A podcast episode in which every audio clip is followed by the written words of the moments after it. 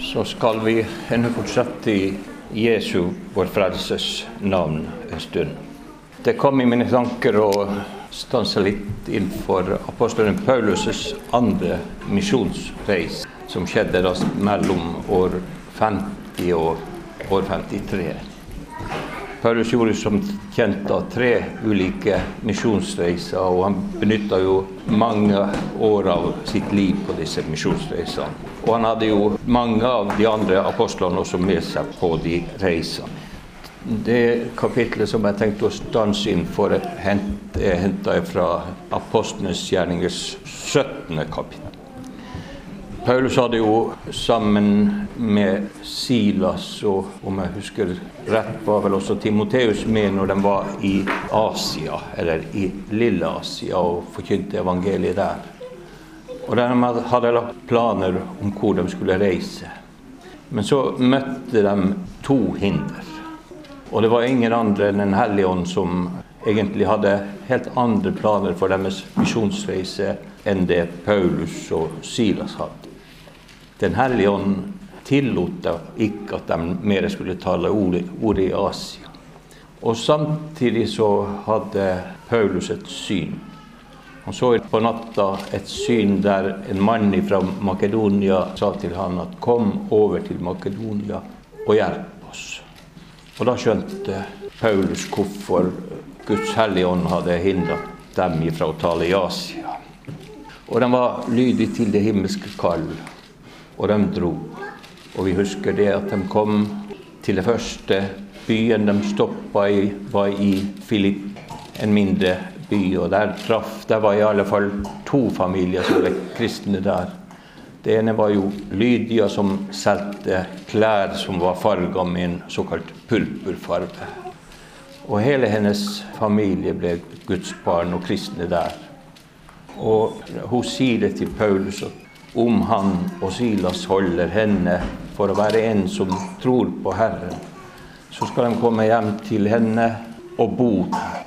Men det var ikke så veldig lenge som de bodde der før det ble opprør og forfølgelse og for ordets og for evangeliets skyld. Så reiser de videre til Tessalonika. Og der husker vi Ja, før vi forlater Filippi, så skjedde jo også at det ble et rimelig stort oppstyr. Og de ble ført inn for retten og ble kasta inn i fengsel og ble bundet til sine føtter til stokken. da. Og det skjedde jo det at fengselsdøra gikk opp der, og fang, fangevokteren han skjønte at om alle fangene rømt, så kommer han helt sikkert til å få en veldig streng straff. Mest sannsynlig dødsdom. Derfor er det best at han ender sjøl sine egne dager. Men Paulus han sier 'gjør deg ikke noe ondt'. Og så ba fangevokteren om lys. Og han spør av Paulus 'Herre, hva skal jeg gjøre for å bli frelst?' Og Paulus svarer 'Tro på den Herre Jesus Kristus, så skal du bli frelst, du og ditt hus'. Og det skjedde det at han ble frelst, han men ikke bare han, også alle som hørte hans hus til. Sånn at det, det ble to kristne familier på en gang i den første byen i Europa, der i Filippi. Og nå tok de sjøl hånd om misjonsarbeidet. Vi kjenner jo til Paulus' brev til filippenserne. Der ble altså en, en menighet der. I Tessalonika så skjedde det at Paulus gikk inn i en synagoge. Synagoge var jo en form for et bedehus. Alle plasser der det var mer enn ti jøder, så hadde de rett til å bygge en synagoge. Og der leste man Gamle testament. Og man holdt sine bønner. Det var åpen tre ganger for dagen for bønner. Og dit inn så fikk heller ikke hedningene komme, men bare de som hørte jødefolket til pluss de, de av hedningfolket som hadde omvendt seg til jødenes tro, de som kaltes for proselytter. Og der var ikke folk så veldig vennligsinna. Riktignok var det mange av de greske der som ble kristne. Også mange av høyere slekt. folk kanskje i viktigere samfunnsposisjoner som ble kristne. Men jødene ble veldig opprørt over at Paulus forkynte Kristus. At de forkynte Guds evangelium.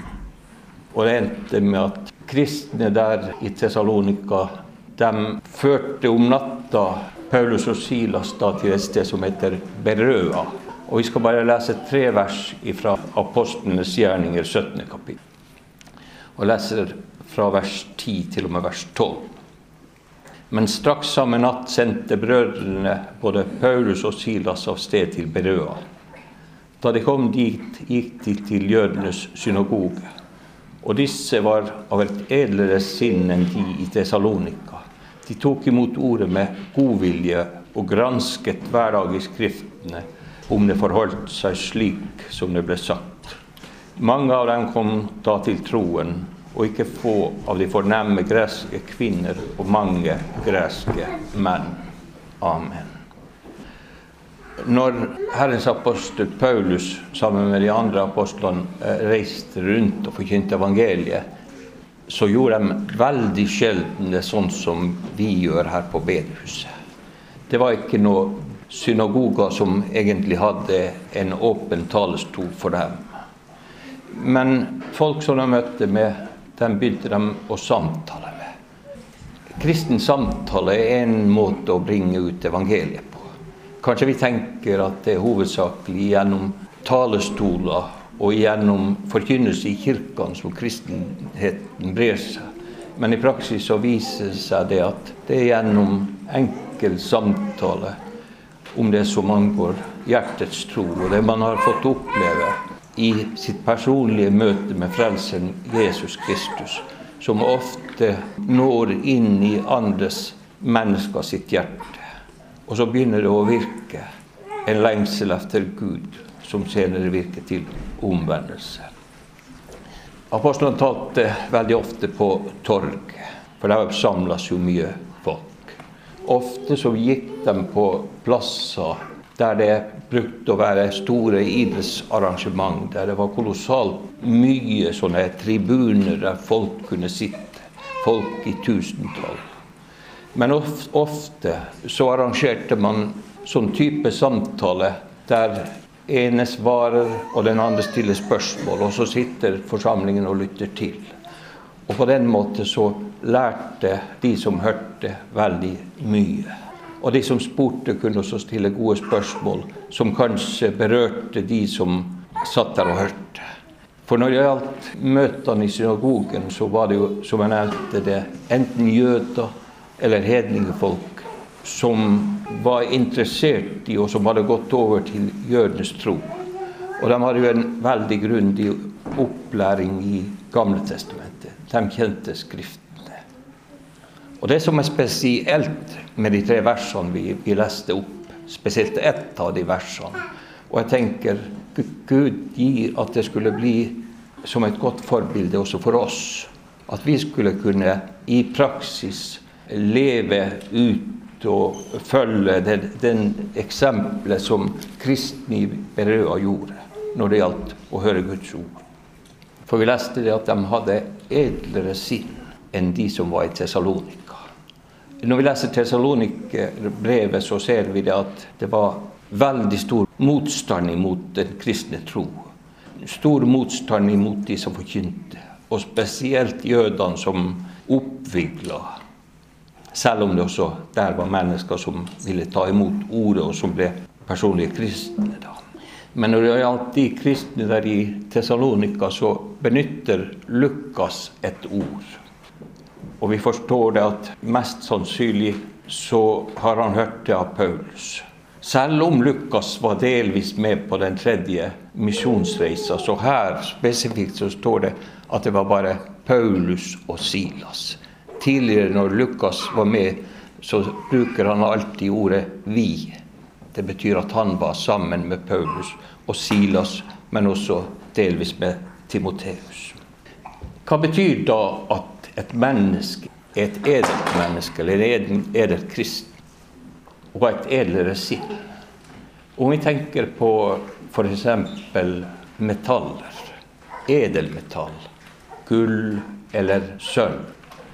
Dvs. Si, det er metaller som tåler å stå ute i regn og med masse oksygen, som verken ruster eller oksiderer.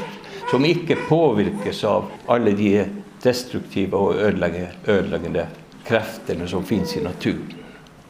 Så finnes det mange edelsteiner. Og i åpenbaringsboka så står det omtalt mange av disse edelstenene. Det vil jo si det er mineraler som er ekte og helt igjennom ekte og helhet. Og, og disse edelstenene kan vi lese om er en masse av i, i himmelen. Når det gjaldt det som var det spesielle med disse tesalonikene, disse kristne der i Berøa, eller kanskje ikke de nødvendigvis var kristne da når Paulus kom dit. Det var de rimelig sikkert ikke. Derfor at det her var jo hedningmisjonen. Og det var første gangen som Paulus nå reiste dit til Europa. Men i alle fall, de kaller dem for å ha et edlere sinn.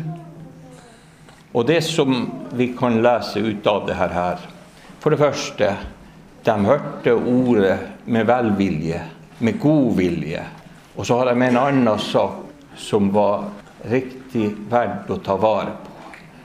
Når de hørte ordet, så tok de det ikke imot uten at de først dro hjem. Og så lytta de nøye til hva, de, hva, Paulus og de andre apostlene lærte. Og så går de til Skriften og så gransker de der. F.eks. når vi leser Apostelens gjerning, så kan vi lese noe av det som var si, kjernen i Paulus' forkynnelse. Eller om vi går til 17. kapittels begynnelse, så leser vi det at Paulus tre sabbatsdager etter hverandre dro til synagogen der. Og der samtalte han med de folk som var der, ut ifra Skriftene. Han la ut for dem og visste at Messias måtte lide og stå opp ifra de døde, og sa Den Jesus som jeg forkynner for dere, han er Messias. Nemlig at Jesus er Messias eller Kristus. Og for oss så tenker vi kanskje ikke over For det er jo egentlig en trosbekjennelse. Jesus er Kristus. Jesus er fornavnet. Mange gutter heter Jesus, også i dag, sånn som var på Jesu tid. Men Kristus fantes det bare én av. Og det var han som var salva av Gud til konge, til prest og til profet. Den som Gud helt spesielt hadde utvalgt. Og når Paulus begrunna og overbeviste ut ifra Skriften at Jesus er Kristus, så åpner han Gamle testamentet. Og så gjorde han presis sånn som vi hørte i broderens tekst også, som Jesus gjorde overfor Satan når han kom og fristet dem. Han henviste helt konkret til bibelvers til det som står skrevet. Og det var det eneste kan vi si, våpenet som kunne drive djevelen på flykt. Det er nøyaktig det vi leser fra Efeserbrevets sjette kapittel også om disse, den åndelige rustning. Så er det kun ett angrepsvåpen som nærmest der. Og selv det har ikke noe annet spydspiss enn ordet, som er skarpere enn et tveget sverd. Det er det som alene skal, skal virke, sånn at mennesket i sin samvittighet skal bli overbevist. Og på den måten, når menneskene blir overbevist at det Paulus taler, det Paulus lærer, det er i overensstemmelse med Skriften. Altså, selv om Paulus og Silas, Silvanus, var Herrens apostler, og sikkert også kanskje kunne nevne om på hvilken måte de var kalt og utvalgt til, til den tjenesten, så tok ikke tilhørerne i Berøa det imot uten videre. Men de, var, de hadde et sånt forhold til Guds ord at Guds ord er en evig sannhet. Det kan aldri gjøres ugyldig. Det er et ord som står fast i tid og evighet. Det er et ord som Gud har gitt. Det er et ord som bestemmer og avgjør alt. De kristne i Berøa tenkte nøyaktig på samme måte som på Luthers tid, i reformasjonstid, at Guds ord det er eneste, den eneste dommer i liv og i lære. Om nå de, de her forsamlingene der i Berøa hadde gått hjem etter å ha hørt på Paulus og Silas' forkynnelse, og så har de funnet ut at det stemmer ikke overens, de taler ikke etter Skriften, da har de garantert ikke tatt imot dem. Da har de avvist dem som vranglærere. Men i og med at de så at Paulus' budskap og Guds budskap i Skriften er i overensstemmelse med hverandre. Da skjønte de at de er Guds tjenere som taler Guds ord i sannhet. Og dermed så, så var de også ydmyke innenfor ordet og, og, tok imot. Allerede når de hørte ordet, så, så står det de tok imot ordet med god vilje. Og så granska de hver dag i Skriftene om det forholdt seg slik som det blir sagt. Vi har sikkert også møtt mennesker som hører Guds ord, men som ikke tar det på alvor. Som ikke vil ta det til sitt eget hjerte. Som hele tida forsøker å vrenge og vende på det og avvise Guds ord. Kanskje så langt inntil Gud slutter å kalle på dem. Men det er viktig at man, skal, at man skulle ta imot ordet sånn som ordet virkelig vil lære og fostre oss. Jeg har lyst til å, å nevne et ektepar som også var likedan som, som forsamlingen der i Berøa. Det fortelles i eh, Apostelens gjernings 18. kapittel om en eh, forkynner som heter Apollos. Det nevnes han at, at, han var både veltalende og han var sterk i Skriftene. Han var opplært i Herrens vei, og han var brennende i ånden og han lærte grundig om Jesus. Og så kan vi stille spørsmål Det var vel ikke nødvendig å gå hjem da og granske i Skriftene om Apollos var sendt av Gud. Det var nok nødvendig. Alt skal prøves i Skriften. Også det vi taler her på bedehuset. Og de, de som også inviteres som forkynnere til oss vi må la oss prøve av Skriften.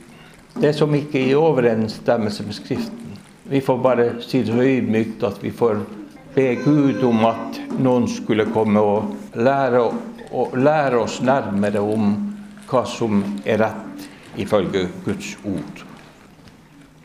Det fortelles om Apollos her. Han talte frimodig, han også i synagogen. Og så hadde Paulus noen kollegaer som hadde samme håndverk, som var, arbeidet med, med, med skinn og telt, eller teltmakere. Da. To personer, et ektepar. Han heter Akvilas, og hun heter Priskilla. Og det står nevnt om dem en del plasser i Bibelen. Men eh, når man ser nøyere etter, så ser man at om ikke jeg husker feil, kanskje alle unntatt én gang, så er det alltid kvinnen Priskylla, som nevnes først, også her. Og det hadde litt å gjøre med at hun var en type Israels mor. En som hadde Guds ånd, en som kjente Skriftene. En som Gud hadde åpenbart for hva som var både Guds ord og Guds vilje. Og nå lytta de her to, Priskilla og Akvillas, de lytta til Apollos når han forkynte. Så går de bort til han og inviterer han hjem. Apollos han takka ja. Han ble dem, med dem hjem. Og så fortelles det, det at de la Guds vei nøyere ut for ham. Og det som skjedde, var at de ut ifra Skriften også bevisst at Jesus er Kristus. Det er mange grunnleggende spørsmål i Bibelen som var helt naturlig for de første kristne. Som kanskje ikke vi legger noe fokus på. Det ene er eh, Bibelen består av to bøker. Gamle testamentet og Nye testamentet. Men vi bør være obs på at når apostlene virka, så var ikke Nytestamentet skrevet. Heller ikke når apostlene dro på sin misjonsreise, så var ikke Nytestamentet skrevet. Det var i, i den fasen der fra begynnelsen eller midten på 50-tallet og utover som evangeliene ble skrevet. Sånn at for Jesus og for apostlene så har de nøyaktig samme bibel som Abraham, Isak og Jakob. Som alle gammeltestamentlige hellige. Om vi hadde hatt tid og gått til Apostelens gjernings 13. kapittel, og enhver av dere kan jo gjøre det hjemme, les grundig der igjennom hva apostlene lærer her, så ser vi hele deres tale, ikke bare i hvert vers, men i flere vers, så har de helt konkret henvist til det som står skrevet i Gamle testamentet. Altså er Jesus Gamle testamentets hovedperson. Det er om Jesus både Moses og profetene og Salmens bok vitner. Det er han som er selve stjernen i Skriften, i Guds ord. Og Derfor så benytta apostlene og, Jesus alltid det, det, det prinsippet når de forkynte Guds ord. De tok utgangspunkt i Skriften. Jeg skal nevne noen av de her hovedpunktene i den apostoliske forkynnelse. Jesus er Herre. Det dokumenterte man også ut ifra Skriften. Herre Kyrios. Det var Guds eget navn som Jesus var en bærer av. Vi har nevnt Jesus er Kristus eller Messias. Jesus er Guds sønn. Det var også mange som tok anstøt av.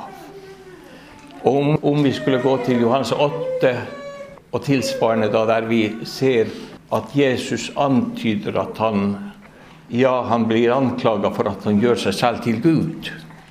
Det er også en sak som var helt entydig klart for alle Herrens apostler, inklusiv Paulus også.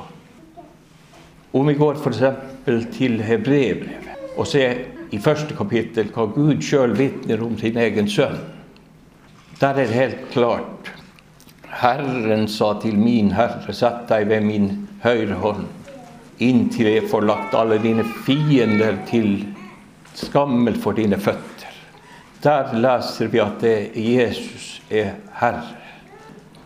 Senere kan vi lese i samme Hebreerbrevet 1.: Derfor har Gud, og det tales da til Jesus, O Gud, opphøyet deg Altså inneholder Bibelen utrolig mange plasser som dokumenterer ut ifra Gamle testamentet, Skriften og alle disse får vi si, apostoliske, enkle og første trosbekjennelsene.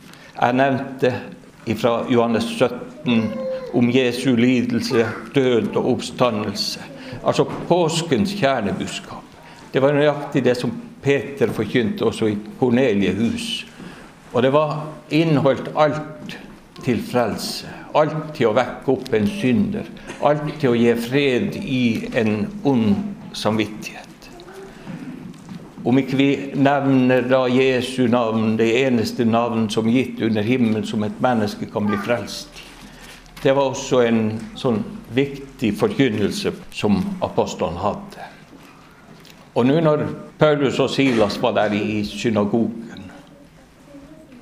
der overbeviste han både jøder og grekere ut ifra Skrift om hvem Jesus var, og hva Jesus hadde gjort for dem, og hvor viktig det var at de skulle ta imot frelsens budskap, at de skulle få del i syndenes forlatelse, del i det evige liv. Vi møtes hver søndag stort sett til, for å høre Guds ord. Vi har mange ganger blitt påminnet om at det er viktig, allerede før vi går hjemmefra, at vi skal be for møtet. At vi skal be om at Gud må åpne ordets dør. Men det er også viktig at vi skulle be for vår e- egen sjelsalighet. At Gud gjennom det forkynte ordet skulle tale til våre hjerter. At han skulle nære og føde våre hjerter.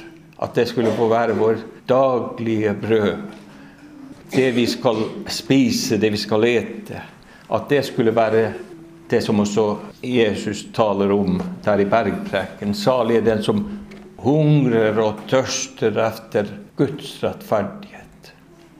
Guds ord er så forunderlig. Det inneholder all næring. Man behøver ikke å ta noe ekstra vitaminer. derfor at det inneholder alle næringsstoffer som behøver i troslivet. Og det inneholder også veiledning for oss uansett hvilke livskriser vi kommer i, inn i, hvilke vanskeligheter vi møter i livet. Så er Guds ord det som taler til oss. Må Gud gi at Guds ord skulle bli så dyrebart også for oss, så vi kan lese om bl.a. i Salmenes bok. Som var dyre, det var dyrebart for Asaf. Som det var dyrebart for, Sal, for David og for de andre forfatterne i Salmenes bok. Ditt ord er en lys på min vei og lykte for min fot. I Salme 119. Min erfaring er i alle fall at Guds ord er så rikt. Jeg kan lese det om så hver eneste dag. Og jeg kan ha lest de samme tekstene gang etter gang. Men om jeg leser det i bønn, så ser man at det, blir aldri tom. Det er en sånn utømmelig kilde som bringer med seg de aller største rikdom. Den aller største trøst. Den aller beste hjelp til oppbyggelse den beste hjelp vi kan ha til å møte menneskene i særlig sjelesørgerisk samtale. Jeg tenker de tre første plassene som er nevnt her i Europa. Filippi, Tessalonika, der Paulus stifta, de stifta en menighet, og nå her i Berøa. Det begynte i de små. Det begynte, som jeg nevnte, med to familier i Filippi. Men ordet vokste, og det ble til velsignelse, sånn at etter hvert ble det store forsamlinger. Og fra hele denne Paulus' misjonsreise Enhver av dere kan jo gå bak i Bibelen, så fins jo kart hvor de har reist. Ut, utrolig lange reiser. Den andre misjonsreisa er jeg rimelig sikker på at om man følger på kartet, du ser målestokk der, så blir det garantert sikkert en 2000 km. Noe av det er riktignok sjøreise, men meste, mesteparten til lands. De la apostlene et stort arbeid for at Guds rike skal, skulle bres ut. Og sånn har også fedrene også i vår vekkelse lagt ned et stort arbeid for å komme ja, igjennom både på vinteren og på sommeren både via land eller havet, for at menneskene på øya og i fjorder og overalt skulle få høre det dyrebare Guds ord. Det ordet som kan finne en synder. Det ordet som kan gjøre salig, som kan føre, inn, føre føttene inn på, på fredens vei. Nå er de borte, alle disse som ble kristne da under Paulus' misjonsreise. Vi er ennå her. Vi behøver Guds ord. La oss be Gud om hjelp og nåde til å holde fast i Han som har begynt den gode gjerning i oss. Han har lovd at han skal også fullføre den. Så får vi også tro, som broderen også trøsta, i Jesu Kristi navn og i Hans dyrt utrunne forsoningsblod, våre egne synder og feiler forlatt, til fred til frihet og til glede. I Jesu velsignede navn.